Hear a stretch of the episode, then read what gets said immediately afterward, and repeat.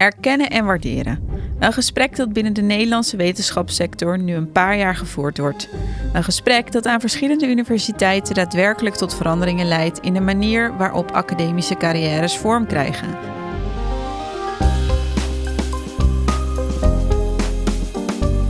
Medio 2022 is daarom een goed moment voor de jonge academie om met hoogleraren door te praten over dit onderwerp.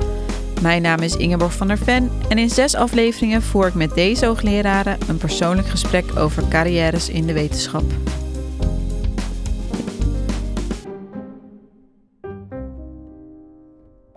Vandaag spreek ik met Klees de Vrezen. Hij doet onderzoek naar politieke journalistiek, verkiezingscampagnes, de inhoud van effecten op nieuwsmedia en de publieke opinie.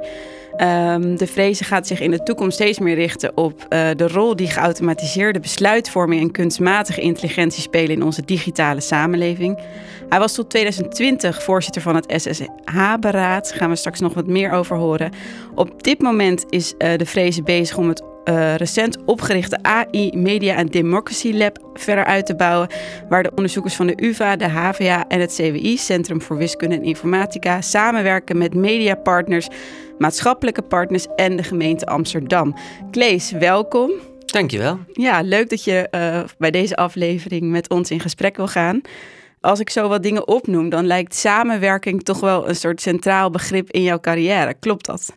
Dat klopt wel. Uh, wetenschapper zijn kan een beetje eenzaam zijn, maar ik heb eigenlijk vrij vroeg, uh, zelfs in mijn promotiejaren, al met mensen samengewerkt en daar ook uh, heel veel van genoten. En ook soms kost het wat meer tijd, uh, samenwerking, maar het geeft ook heel veel terug. Ja, en is dat dus iets wat je vanaf het begin hebt gedaan in je carrière? Ja, maar ja. niet met het idee van, oh, nu wil ik team science doen of zoiets. Het is eigenlijk meer een beetje ontstaan. Ja. In mijn promotietijd heb ik onderzoek gedaan naar de effecten van televisiejournalistiek. En daar heb ik ook samengewerkt destijds met het NOS-journaal bijvoorbeeld. Ah, dus toen ja. werk ik samen met ja, eindredacteuren en verslaggevers. Uh, en, en, en dus vanaf het begin al was het, en, met, wel met het idee dat het onderzoek spannender werd en, en misschien ook beter. Ja, als we het dan hebben over de rol die jij nu hebt, laten we daar, daar eventjes een beetje induiken.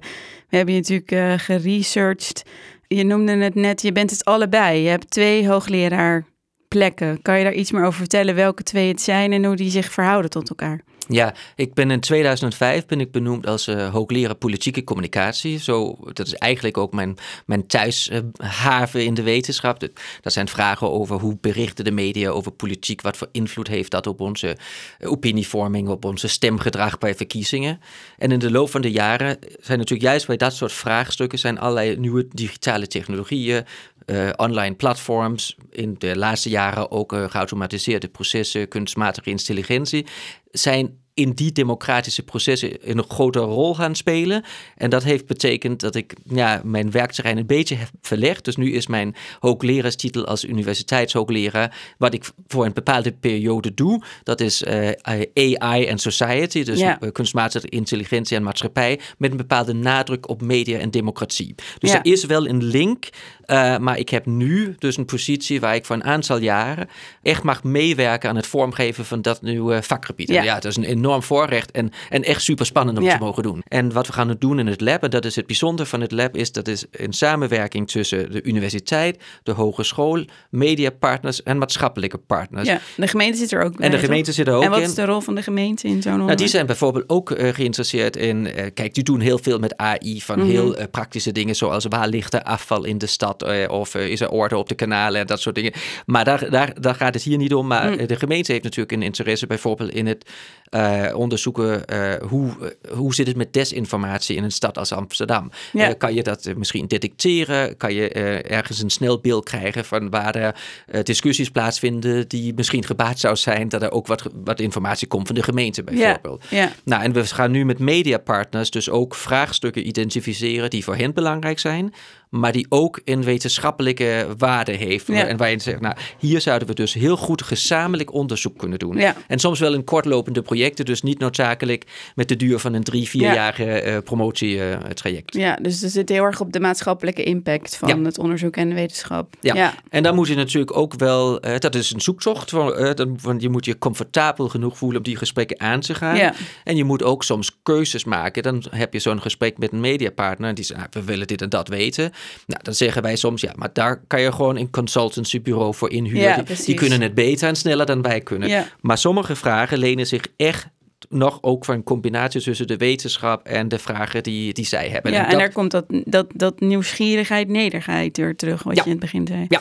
ja. En, en de nederigheid zit misschien vooral ook met, eh, ja, met andere wetenschappelijke partners. En met de mediapartners is het een soort combinatie tussen nederig zijn, maar ook soms zeggen. Nee, eh, dit moeten we anders bekijken. Of eh, dan moeten we deze subvragen ook betrekken. Ja. Om het ook een wetenschappelijke borging te geven. Ja, interessant. Als je het dan zo hebt over samenwerkingen, interdisciplinair werken, wat je net uiteenzet over hoe dat hier in Amsterdam dan eh, werkt. Wat mij dan altijd opvalt is dat, ga ik het gewoon zeggen, dan moet jij maar zeggen, eh, me corrigeren als het niet zo is. Maar dat dit soort projecten toch vooral een succes worden als je gewoon een groot netwerk hebt. En ja, heel erg naar buiten toe treedt, de juiste mensen weten vinden, enthousiasme kan eh, zaaien. Is dat zo? Is dat een, een succesfactor voor wetenschappers? Dat is het zeker. En Mm. dat is eigenlijk in het groot en het klein. Kijk, sommige eh, van mijn collega's, die zijn natuurlijk super, super goed, maar zijn misschien niet heel erg extrovert. Mm. En als je zoiets als dit wil doen, dan hoeft niet iedereen extrovert en, eh, en outgoing te zijn, maar Nee. je moet ze wel in je team hebben. En dat is het belangrijkste, dat je in zo'n onderzoeksgroep eh, ook gewoon erkent, nou ja, we hebben verschillende kwaliteiten. Eh, en sommigen kunnen misschien heel goed juist met die partners omgaan en heel goed eh, dit soort kennisvragen identificeren. En heel Mhm. goed ook een beetje, ja, het is ook onderhandelen, het is menselijke relaties smeden. Eh, de- en kan dat- dat allemaal in één persoon bestaan? nou, soms wel, maar Mm. ook vaak niet. En dat is Mm. ook niet erg. Als je dan zo'n groep bij elkaar hebt, een onderzoeksgroep, dat je ziet, waar, ja, maar wat hij of wat zij doet, is van ongekende waarde. Ook al staat die niet met de partner iedere tien minuten te praten over iets. Ik zit een beetje te zoeken naar het linkje naar erkennen en waarderen. Want eh, dat is toch wel mijn ervaring, ook weer het afgelopen jaar. Dat, dat er toch een hele grote vraag zit naar een meer, verscheiden, meer verscheidenheid. Of in ieder geval de voedingsbodem voor meer verschillende typen wetenschap of wetenschappers. En dat zit hier toch ook wel in. Dat de een is gewoon heel goed in het focussen op één ding en voor de rest van zijn carrière. En de ander die wil zich elk jaar misschien weer herontwikkelen, weer nieuwe terreinen eh, begeven. Ehm, is, klopt dat? Is dat waar erkennen en waarderen misschien ook over gaat? Dat is denk ik wel zo. En Mm. wat dat betreft ben ik ook wel heel blij dat we die Ja. discussie nu hebben. Het is een heel, eh, het is een ingewikkelde discussie, omdat het een heel brede discussie Ja. is. Maar het is wel een heel belangrijke discussie. Want ik geloof echt dat, hè, waar ik ook begon, eh, de vragen waar we graag als maatschappij en als wetenschap een antwoord op willen hebben, dat zijn niet allemaal, maar toch wel heel vaak vragen waar je in teamverband moet samenwerken. Ja, team Nou, science. Team science. En, dan, en dan heb je echt verschillende competenties nodig en ook vaak verschillende soorten personen. En dan heb je al eigenlijk een erkennen en waarderen gesprek eh, op, op gang gezet. Het eh, interessante en het moeilijke nu van dit discussie is dat we in die transitiefase zitten. Ja. Dus we hebben het over, er zijn denkrichtingen, er zijn nieuwe raamwerken, om, over, maar het is nog niet dat je zegt, nou, het is ingetaald, iedereen be- begrijpt nu wat we hiermee bedoelen. Nee, of de iedereen denkt hetzelfde. niet de- nee, dezelfde kant nee. op. En, Nee. daar, en dat is daar, eh, dat heeft, dat is bestuurlijk en ambtelijk in, in discussie. Ja. Maar het raakt dus ook eh, aan de positie van de jonge wetenschappers. Ja. Als ik kijk naar ze, dan zij zien die discussie, ze vinden hem belangrijk. Ik denk dat ze daarbij gebaat zijn. En waar vinden ze hem belangrijk? Waar, wat wat nou, hoor je? omdat zij, eh, zij zien ook wel dat er diversiteit is in wie wat kan. En, Ja. en dat je ook misschien gewaardeerd kan worden om verschillende competenties. Ja. En dat het dan niet gaat om dat het ene beter is dan het andere. Maar wat lastig is, dat zolang we niet een beetje uitgekristalliseerd zijn in wat dat betekent, levert het ook een hoop onzekerheid eh, Mm. eh, bij ze eh, op. Hè, maar moeten ze allemaal op individueel niveau al die dingen kunnen? Of, en als je gaat bekijken hoe een groep in elkaar zit, hoe ga je dat dan doen? Wie bepaalt dat? Dus hoe gaat de financiering eruit zien? ja, Ze, ze, ze hebben heel veel heel terechte vragen. En, en Ja. daar moeten we ja, misschien ook kijken van hoe kunnen we een beetje eh, beweging en toch ook een beetje rust tegelijk in dat systeem houden. Ja. Want, want eh, anders schaden we misschien ook die eh, de herkennen en waarderen discussie. Als we hem al een soort af en toe toevallig wel gaan implementeren, Hmm. maar hij is nog niet helemaal geland, dan krijgt het iets van willekeur. En dat is natuurlijk niet fijn. Dat is voor een jonge onderzoeker niet fijn, want dat is onzekerheid. Maar als ik dan de advocaat van de duivel ben en zeg dat elke verandering tijd kost. En dat er dan in die tijd wellicht inderdaad generaties wetenschappers op gaan groeien of opgeleid gaan worden, die in die tussenfase zitten. Is dat dan iets, iets wat er ook bij hoort, wat je nodig hebt om te komen naar zo'n Ja. nieuwe werkelijkheid? Ja, want we zitten in allerlei soorten transities. Ja. We zitten ook in een, in een open science eh, of, of zo. Ik, ik Ja, veel universiteiten koppelen hem ook allemaal aan elkaar. Ja, ja, dat, dat precies. heeft ook met elkaar te maken, maar is niet per se hetzelfde. Nee. Dus er zitten natuurlijk altijd overgangen en transities in, in, in, in, in de wetenschap en, en waar dan ook. Ja. Maar wat belangrijk is, dat je in ieder geval voor de, laten we zeggen, de wat kortere termijn, 12, 24 maanden, daar moeten mensen wel weten waar ze aan toe zijn. Want als je een afspraak maakt, laten we dit en dat doen. En 24 l- maanden later wordt je eigenlijk op iets net anders afgerekend. Ja, dat is gewoon niet fair. En dan ondermijn je misschien ook de lange termijn doelen van zo'n discussie. En voorzie je dat zoiets kan gebeuren? Dat we nu ergens in zitten wat over 24 maanden een heel ander Nou, wereld het, is, het is al een aantal maanden, Mhm. of eigenlijk al een paar jaar gaande. Eh, en ik heb niet een concreet voorbeeld Oké. waarvan ik zeg van nou, die persoon is echt helemaal in de problemen gekomen. Maar die vragen leven daar onder jonge Ja. onderzoekers. En dan vind ik ook, eh, dan is het aan ons als teamleiders of afdelingsvoorzitters om daar ze toch wel wat houvast in te geven. Terwijl we wel doordenderen met de discussie Ja. en uiteindelijk ook eh, met de verandering. Ja, precies. Die rol van aan de top staan en Ja, ja, ja. voor je team zorgen Ja. misschien. De verplichting die ook daarbij Ja. bij komt kijken. Als we even kijken naar de actualiteit. Het is nu eh, begin juli. Eind juni benoemde de Europese Commissie ook het belang van erkennen en waarderen. Alle ministers eh, onderwijs of ja, hoe elke land dat wil invliegen. En we zaten ook ministers innovatie bij. Eh, gingen hierover in gesprek. De Eurocommissaris voor Innovatie, Maria Gabriel, die benoemde het als volgt.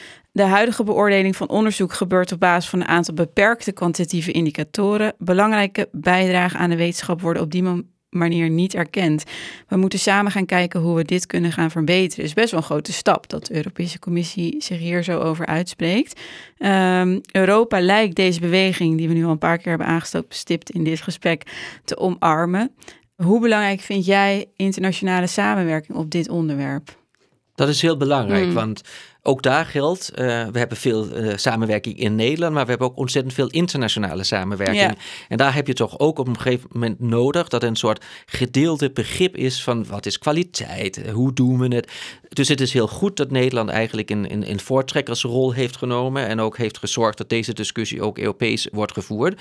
Zeker ook omdat veel van de financiering nu en ook in de komende jaren komt uit Europa. Dat is natuurlijk allemaal met inleg van, van de verschillende eh, landen. Ja. Maar IRC's, de Horizon-programma's, al die programma's beoordelen ook op de kwaliteit niet alleen van het voorstel, maar ook van de consortia en de wetenschappers of de teams. En dan moet je wel zorgen dat je op een of andere manier komt tot, nou niet consensus, maar eenzelfde denkrichting over wat dat Ja. is. Dus ik ben heel blij dat die eh, discussie ook Europees gevoerd wordt. Ja, En dat kan misschien ook een beetje de vrees, wat je natuurlijk in Nederland ook hebt gehoord uit, ja, ik Inter- het maar internationale competitie. ja, ik zou, ik- uit een beetje hoe conservatieve... noem jij het? Nou, Ja. ik zou het een, een beetje een conservatief vertrekpunt. Ze zeggen, ja, hierdoor ondermijn je alles en kan je niet meer kwaliteit leveren, want je mag niet bepaalde dingen. ja. Dat is natuurlijk onzin om te, om te zeggen, maar het kan wel dat wegnemen Hmm. als je zegt, nou ja, we zorgen ook dat er in internationale soort herijking in dat, in dat systeem komt. Dus alleen maar goed dat het gebeurt. Het is natuurlijk wel een levendige discussie in Nederland. Het AWTI gaat nu onderzoeken wat dan excellentie zou betekenen en wat de H-factor en de index allemaal. Ja, Dat viel me op dat artikel. Dat ik dacht, als we dan in 2022 zijn en we gaan nu pas met elkaar onderzoeken wat Ja. excellentie betekent. Maar we richten ons er al jaren Met eh, alle risico's om eh, eh, politiek niet goede uitspraken hier te doen, ga ik Knippen ook zeggen. eruit. Nou ja, kijk, zo'n vraag naar de AWT op dit moment is natuurlijk ook een politiek gedreven vraag. Oh, het is lastig, laten we een onderzoek doen. Ja. Maar we weten al heel veel. De hele discussie is op gang gekomen omdat we zoveel hierover weten en dat er knelpunten zijn gesignaleerd. Dus ik vraag me af of nu zo'n nieuw opdracht naar onderzoek echt heel nieuwe inzichten gaat eh, brengen. Volgens mij weten we al genoeg om hierover te kunnen praten. Ja. Ik noemde in de introductie dat jij voorzitter was van het SSH-beraad. Ehm je hebt je ook in die rol ook wel bezig gehouden, toch? Met al dit soort discussies, maar ook op de financieringslijn. Ja. Ehm, als je zo kijkt naar alle discussies die gaande zijn, dan is eentje die ja, toch wel veel gehoord is, is het gaat die over werkdruk. En ja, de ervaring van werkdruk, heigerigheid, iedereen geeft er zijn eigen woorden aan. Ehm, als eerste dan maar de vraag heel persoonlijk. Heb jij nog tijd voor andere dingen naast het zijn van wetenschapper? Uh, ik werk ontzettend veel. En wat dat betreft mm. ben ik ook soms een slecht voorbeeld. Maar dat benoem ik ook voor mijn jonge mensen. Dat, uh, heeft ook mee te maken dat ik het ontzettend leuk vind wat ik doe. Dus dat, is, dat maakt het lastig. En we hebben ook een baan waar het lastig is om om vijf uur altijd te stoppen. Ik heb ook altijd uh, gebruik gemaakt eigenlijk van de flexibiliteit. Ik heb jonge kinderen gehad. Uh, in die periode ging ik heel regelmatig vrij vroeg naar huis in de middag. Maar werkte ik wel in de avond. Ja. Nou, ik, dat moet niet iedereen doen. Maar bij de ene kan dat goed werken en bij de andere niet. En daar moeten we nou ja, zorgen dat die flexibiliteit, dat we die wel goed, goed benutten. En ook niet bij elkaar opleggen wat dan een goede manier is om het te bewaken. Want mm. dat is wel heel erg persoonlijk ook. Uh, nou, dat gevoel van wetenschappers van druk zijn, is dat nou echt zo? Of is het, kan dat ook een frame zijn? Weet je, ik merk dat ook wel in de. Nou, bijvoorbeeld de aanloop naar dit project. We gaan met zes hoogleraren uh, afspraken proberen te maken. Dat lukt lastig. Alle, alle secretaressen zeggen druk, druk, druk. Jullie zijn zelf allemaal druk. We hebben anderhalf uur de tijd en dan blijkt dat toch niet helemaal zo te zijn. Uh, uh, no offense, maar in de zin van als je dingen met elkaar telkens blijft benoemen en tegen elkaar blijft zeggen, is dat dan ook iets wat je met elkaar gaat leven? Kan je dat dan een frame noemen of is het echt zo? Dat is wel een heel mooi, mooie en, en moeilijke vraag. Uh, ik geloof echt dat er veel werkdruk is okay. uh, in, in, het hele systeem. Dit piept ja. aan het kraak. Dat gaat van de junior docenten mm. die in tijdelijke aanstellingen zitten, die zodra ze eigenlijk het systeem goed onder de knie hebben, worden ze eruit, worden ze eruit gestuurd. Uh, de, de UD's eh, die eigenlijk van alle markten een beetje thuis moeten zijn, ook nog steeds in onzekere situaties. Het gaat ook voor de hoogleraren, die, het is die tijd waar je in, in een hoek kon zitten en je om je eigen onderzoek kon Met je mooie stoel en je boek. Dat is ook niet. Dus er is echt wel veel druk in, in, mm. in, dat systeem. maar dat gaat dan over het gevoel dat je er weer uit kan vallen. Nou ja, maar dat, maar dat heeft natuurlijk wel met elkaar te maken, want dan werkt iedereen een beetje harder en mm. dat je, oh, maar ik moet dit eigenlijk ook dan mag ik blijven. En ik, ja. ik moet dat toch proberen die beurs aan te vragen. En als er dan uh, een krant belt voor een quote, dat moet ik ook doen, want impact is belangrijk. Uh, dus dat levert wel, uh, wel echt werkdruk op. En ik moet ook zeggen, ik praat ook heel veel met mensen die niet in de wetenschap werken. En ja. die zijn wel soms echt, staan ze versteld van hoe hard wij werken. Ja. We hebben echt wel Hoeveel uren veel uren. En, en was ook zeggen, maar waarom werken jullie zo hard? En dan, nou ja, kijk, als ook leraar word je echt heel goed betaald. Maar in het begin is het, is het niet een denderend salaris. Nee. En zou je als uh, hoogleraar, misschien niet als UAD'er, maar wel als we het dan hebben over aan de top, dus dat je op die plek bent, zou je dan als hoogleraar andere keuzes daarin kunnen maken? Dat je op een gegeven moment zegt van nou, ik doe, ik doe nog wel het schrijven van een boek. Of, en ik, maak, doe niet meer uh, spraakmakers uh, Radio 1 elke ochtend, bewijs van, ik noem maar wat. Ja, dat, dat kan, kan maar uh, ik, ik moet wel zeggen, ik denk dat wij als hooglerarengroep daar wel slecht in zijn okay. om dat te doen. Want we vinden vaak het schrijven, de onderzoeksaanvragen, het begeleiden. Maar ook wel spraakmakers vinden we wel leuk, ook om allemaal te doen. Dus ja, ja dat, daar is misschien iets meer reflectie ook uh, nodig op ons eigen gedrag. Uh, mm. En ook wat we namelijk hiermee blijven uitstralen. Ja, precies. Wat het zegt naar iedereen die ja, start. Ja. ja. Ik werk zelf ook wel veel met promovendi. En het valt me daar ook zo op dat uh, ik doe uh, als dagvoorzitter begeleid ik vandaag. En dat je dan soms mensen hebt die net zijn begonnen. Dus die zitten in het eerste half jaar en die komen al zo.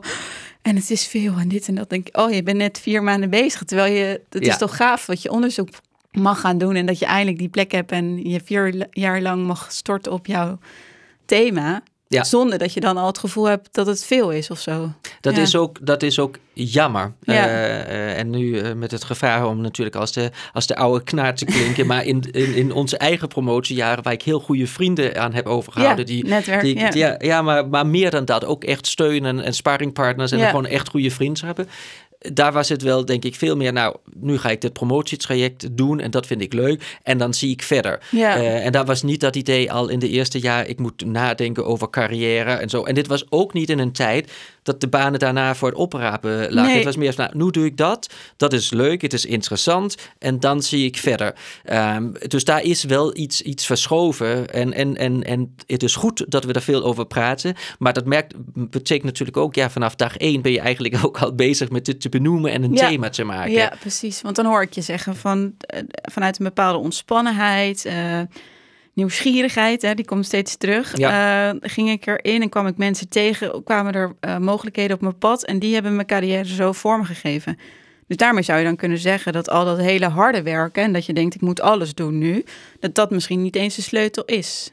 Nee, kijk, bij sommigen is het natuurlijk wel zo dat uh, als je eenmaal hebt laten zien dat je onderzoek kan doen en je hebt misschien een publicatie, mm uh, zelfs zonder erkennen en waarderen, is het vaak zo dat het hebben van één extra publicatie, waar je misschien wel heel voor, hard voor moet werken, dat is niet noodzakelijk de, de maker of de breaker nee. van, je, van je carrière. Maar dat zijn misschien andere soorten dingen wel belangrijk. Dat is een, een, een goed besef om te hebben, uh, want dat durf ik ook wel hard op te zeggen, hè, mensen worden niet aangesteld op één of uh, publicatie meer of minder. Ja. Uh, kijk je toch uiteindelijk breder. Ja, en dan hadden we twee weken geleden, de, de volgens mij was het de Vidi die uh, werd uitgereikt. Zeg ik het goed? Volgens mij wel. En toen kwam mijn tijdlijn, kwamen dan alle juich op Twitter, alle juichberichten oh, van ik heb hem gekregen, ik heb hem gekregen.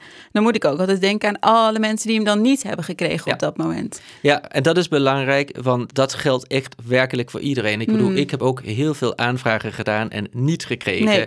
Uh, ik ben door Europese aanvragen gegaan, waar je dan in de eindronde komt en je, je voelt bijna, oh ik mag met dit onderzoek beginnen en dan krijg je het net nee, niet. Net niet. En dat is, ja, dat is echt vallen en opstaan, maar het is ook een beetje accepteren dat dat gebeurt dus echt voor iedereen. Dat geldt ook voor de, voor de publicaties. Ja, als je iets opstuurt naar een tijdschrift waar er misschien 8% wordt, uh, wordt opgenomen van ingestuurde artikelen. Ja, uh, ik behoor ook heel vaak tot de categorie 92% die het dan niet die, had. Maar dat is dus ook belangrijk, vind mm. ik, mhm. om in zo'n groep uh, te bespreken. dus we vieren natuurlijk... Welke groep heb je het dan over? Nou, je, eigen, eigen onderzoek, onderzoeksgroep dat je ook laat... Nou, we hebben dit en dat ingestuurd. Dat hebben we niet gekregen. We zijn zelfs niet door de voorselectie gekomen.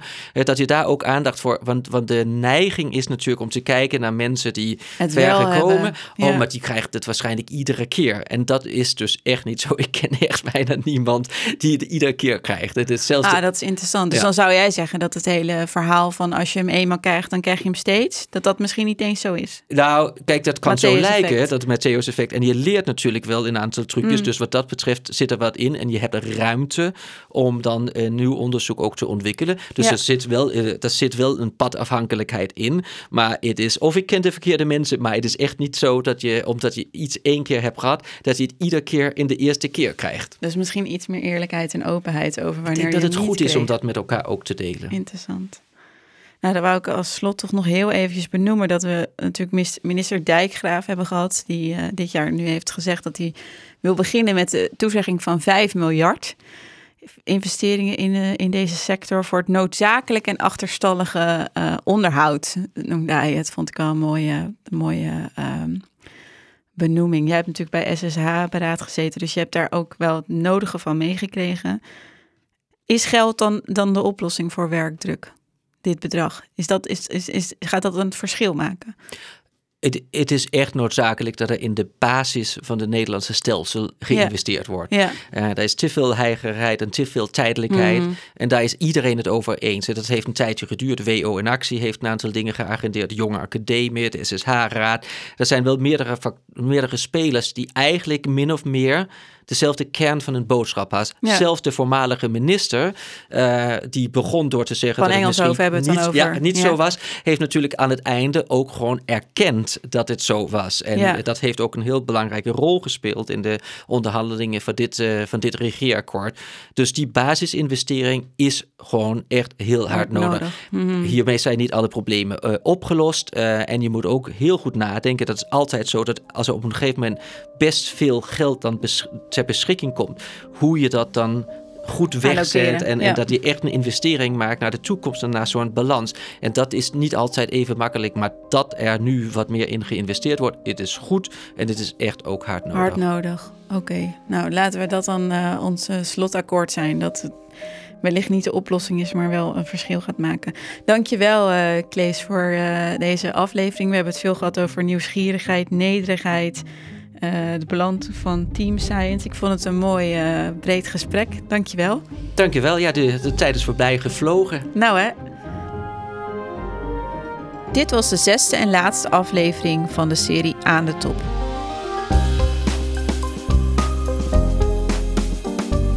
Aan de Top is een productie van de Jonge Academie, Spraakmaker Media en mijzelf Ingeborg van der Ven. We moedigen je aan om een reactie achter te laten in je podcast-app en aan je eigen instelling deel te nemen aan het erkennen en waarderen gesprek. Dank voor het luisteren.